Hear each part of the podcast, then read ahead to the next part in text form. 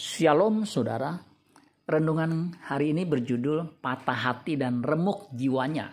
Mazmur 34 ayat 18 atau 19. Tuhan itu dekat kepada orang-orang yang patah hati dan ia menyelamatkan orang-orang yang remuk jiwanya. Siapakah orang yang patah hati? Patah hati karena apa? Ini pertanyaan penting yang perlu kita cari tahu jawabannya. Karena Tuhan dekat dan menyelamatkan orang yang patah hati dan remuk jiwanya. Orang yang merasa patah hati terhadap dunia ini adalah mereka yang mudah mengalihkan hatinya kepada Tuhan. Lazarus yang diceritakan Tuhan Yesus adalah orang yang patah hati terhadap dunia.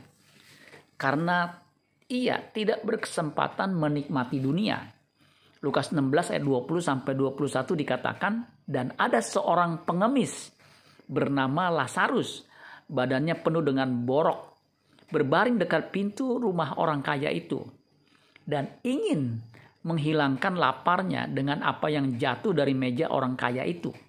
Malahan anjing-anjing datang dan menjilat boroknya. Setelah Lazarus mati, ia berada di Firdaus Tuhan menyelamatkan dia. Lukas 16 ayat 25 dikatakan, tetapi Abraham berkata, anak, ingatlah bahwa engkau telah menerima segala yang baik sewaktu hidupmu, sedangkan Lazarus segala yang buruk. Sekarang ia mendapat hiburan dan engkau sangat menderita. Jika Lazarus patah hati dengan dunia ini, tidak demikian dengan orang kaya itu. Orang kaya itu menikmati percintaan dengan dunia, karena ia setiap hari hidup bersukaria dalam kemewahan.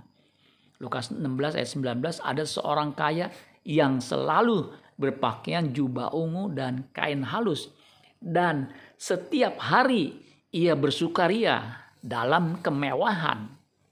Tragisnya orang kaya itu ketika ia mati ia berakhir di tempat penderitaan karena persahabatan dengan dunia adalah permusuhan dengan Allah. Yakobus 4 ayat 4. Orang kaya ini menempatkan dirinya sebagai musuh Allah karena hatinya terpaut dengan harta kekayaan dan kesenangan dunia. Jangan sampai harta kekayaan membuat kita tidak mencari Tuhan, karena hanya Tuhan adalah satu-satunya yang dapat menyelamatkan kita kita harus mengikat persahabatan dengan Tuhan karena dialah harta kita yang sesungguhnya. Lukas 16 ayat 9 dan aku berkata kepadamu ikatlah persahabatan dengan mempergunakan mamon yang tidak jujur supaya jika mamon itu tidak dapat menolong lagi kamu diterima di dalam kemah abadi. Amin buat firman Tuhan Tuhan Yesus memberkati. Sola Gracia.